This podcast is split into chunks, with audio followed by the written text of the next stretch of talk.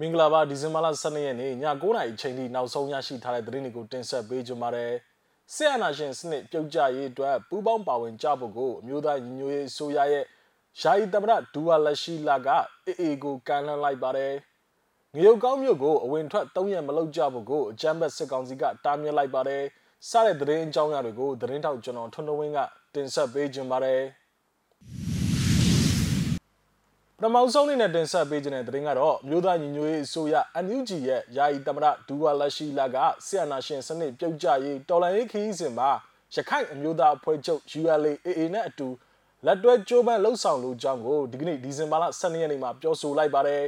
။ပြည်ထောင်စုမြန်မာနိုင်ငံမှာအမျိုးသားဒန်းတူညီမျှရေးကိုပိုင်ပြဋ္ဌာန်းခွင့်အပြည့်အဝရရှိရေးနဲ့လွတ်လပ်တဲ့လူအဖွဲ့အစည်းတရက်ပေါ်ထွန်းလာရေးအတွက်အာဏာရှင်စနစ်ပြုတ်ကျရေးတော်လှန်ရေးခရီးစဉ်မှာရခိုင်အမျိုးသားအဖွဲ့ချုပ် ULA နဲ့အတူလက်တွဲကြိုးပမ်းလှုပ်ဆောင်သွားလိုကြောင်းကိုမြို့သားညီညွတ်ရေးအစိုးရ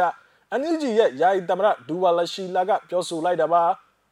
ယာယီသမ္မတကြီးဒူဝါလရှိလာနဲ့ယာယီသမ္မတကတော်လက်ထော်နန်တောင်တို့ရဲ့အိမ်ထောင်သက်240ပြည့်မြောက်တဲ့ဗရမ ्या ရတုမင်္ဂလာအခမ်းအနားထိမ့်မဲ့နေ့မှာရခိုင်မျိုးသားဖွဲ့ချုပ် ULAA ဗဟိုကော်မတီမှပေးပို့တဲ့မင်္ဂလာစုမွန်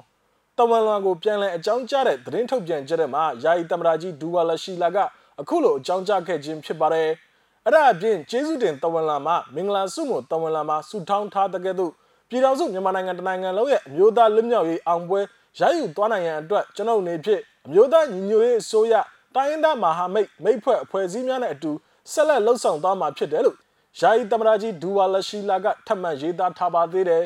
ပြီးခဲ့တဲ့ဒီဇင်ဘာလ10ရက်နေ့ရက်စွဲဖြစ်ရခိုင်တပ်တော် AA ကရခိုင်ပြည်နယ်အတွင်းမှာအချိန်မရွေးတိုက်ပွဲတွေပြန်လည်ဖြစ်ပွားနိုင်တဲ့အတွက်ရခိုင်ပြည်သူများအနေဖြင့် စစ်ရေးသတိရှိကြဖို့ကိုလည်းကြေညာချက်တစ်ခုကိုထုတ်ပြန်ထားပါသေးတယ်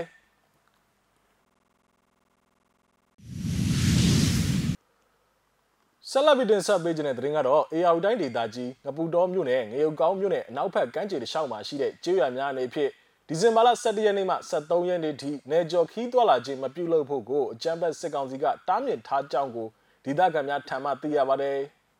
စစ်ကောင်စီတပ်များနဲ့အမည်မသိလက်နက်ကိုင်အဖွဲ့တစ်ဖွဲ့တို့ငရုတ်ကောင်းမြို့နီမှာဒီဇင်ဘာလ9ရက်နေ့ကအပြန်အလှန်ပစ်ခတ်မှုအပြီးမှာတော့ကမ်းခြေတစ်လျှောက်မှာရှိတဲ့ကျွေးရများကိုစစ်တပ်က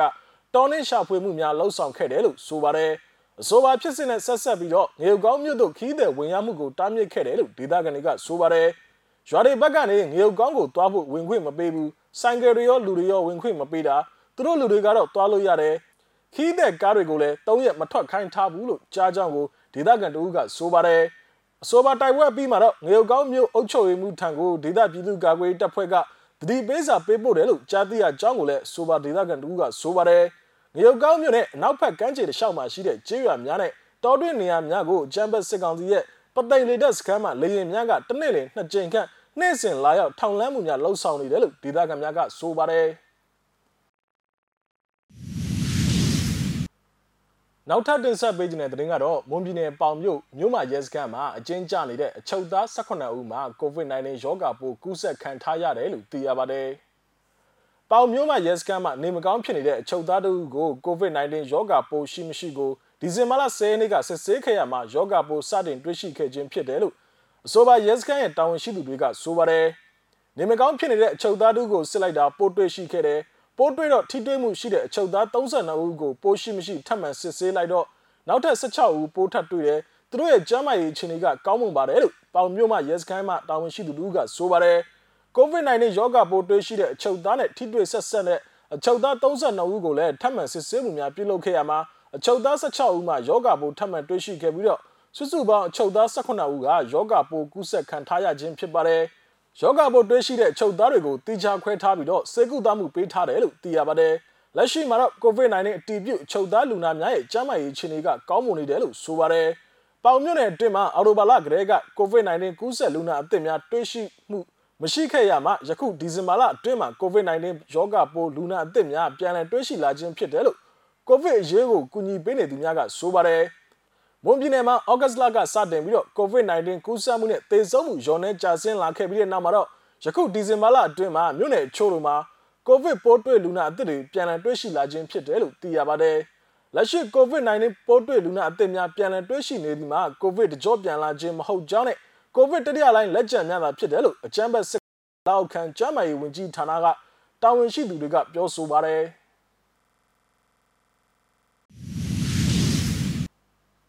ထပ်မံတင်ဆက်ပေးခြင်းတဲ့သတင်းကတော့စကိုင်းတိုင်းဒေသကြီးမြင်းမှုမြို့နယ်မှာစကိုင်းတိုင်းမှာမုံရွာဘက်သို့တွားနေတဲ့ကား28စီးပါဝင်တဲ့အကြမ်းဖက်စစ်ကောင်စီရဲ့ရင်တန်းကိုဘုံမင်းကြီးကင်းကျေးရွာနဲ့ဂွေးပင်တော်ကျေးရွာကြားမှာဒီကနေ့ဒီဇင်ဘာလ12ရက်နေ့နေ့လယ်12နာရီမိနစ်30အချိန်ခန့်ကဒေသခံပျောက်ကြားတပ်ဖွဲ့များပူးပေါင်းပြီးတော့မိုင်းဆွဲတိုက်ခိုက်ခဲ့တယ်လို့သိရပါတယ်။မနစ်က3စီးလာတာကျွန်တော်တို့အနေနဲ့ဘာမှလှုပ်ချိန်မရလိုက်ဘူးဒီနေ့စစ်ကား28စီးလာတယ် ပရိသာမိုင်းတွေကလက်နက်ကြီးတွေကပြစ်လိုက်တယ်နှစ်စီးကိုတော့ထိထိမိမိထိသွားတယ်လို့ Pipet Defense Force မြင်းမှု MNPD ရဲ့အဖွဲ့ကဆိုပါတယ်အစောပါတိုက်ခိုက်မှုမှာပရိသာမိုင်း၄လုံးတစ်ဖက်ပွင့်စိန်ပြောင်းနှလုံးဖြင့်ပြစ်ခတ်တိုက်ခိုက်ခဲ့တယ်လို့ MNPD ကပြောဆိုပြီးတော့တိုက်ခိုက်မှုကြောင့်အကြမ်းဖက်စစ်ကောင်စီက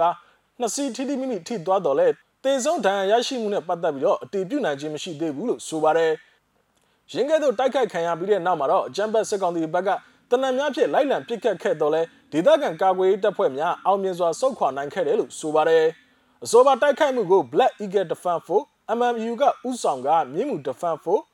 မြင်းမှုလျှက်စစ်ပျောက်ကြားဖွဲ့ Pipet Defense Force မြင်းမှု MNU PDF မြောင်မြို့နယ်ပြည်သူ့ကာကွယ်ရေးနဲ့လုံခြုံရေးအဖွဲ့ CDSON စတဲ့ညီနောင်မဟာမိတ်၅ဖွဲ့တို့ပူးပေါင်းပြီးတော့လှုပ်ဆောင်ခဲ့ခြင်းဖြစ်တယ်လို့သိရပါတယ်။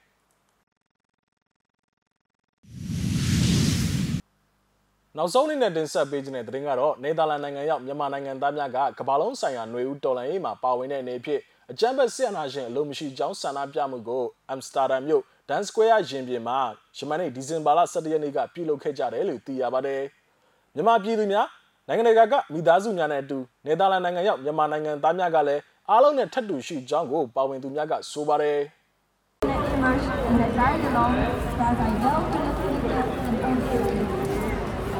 De mensenrechten zijn rechten die ieder mens toekomen, waar ook ter wereld. Alleen, dat geldt niet in deze worden. Wij willen dat iedereen op de hoogte is met het voor menselijke gemoedelijkheden zijn in Myanmar. En hier willen wij ook aan jullie vragen, als Burmeese inwoners van Nederland, om ons te steunen en de druk op te zetten. Laten wij de militaire dictatuur beëindigen in onze generatie. Bedankt en strijden, zodat de verloren mensenrechten en voor inwoners terug kunnen krijgen. Wij komen immers in het buitenland waar wij wel kunnen genieten van onze vrijheid. Doe door, doe het, hè. Doe maar, jammer.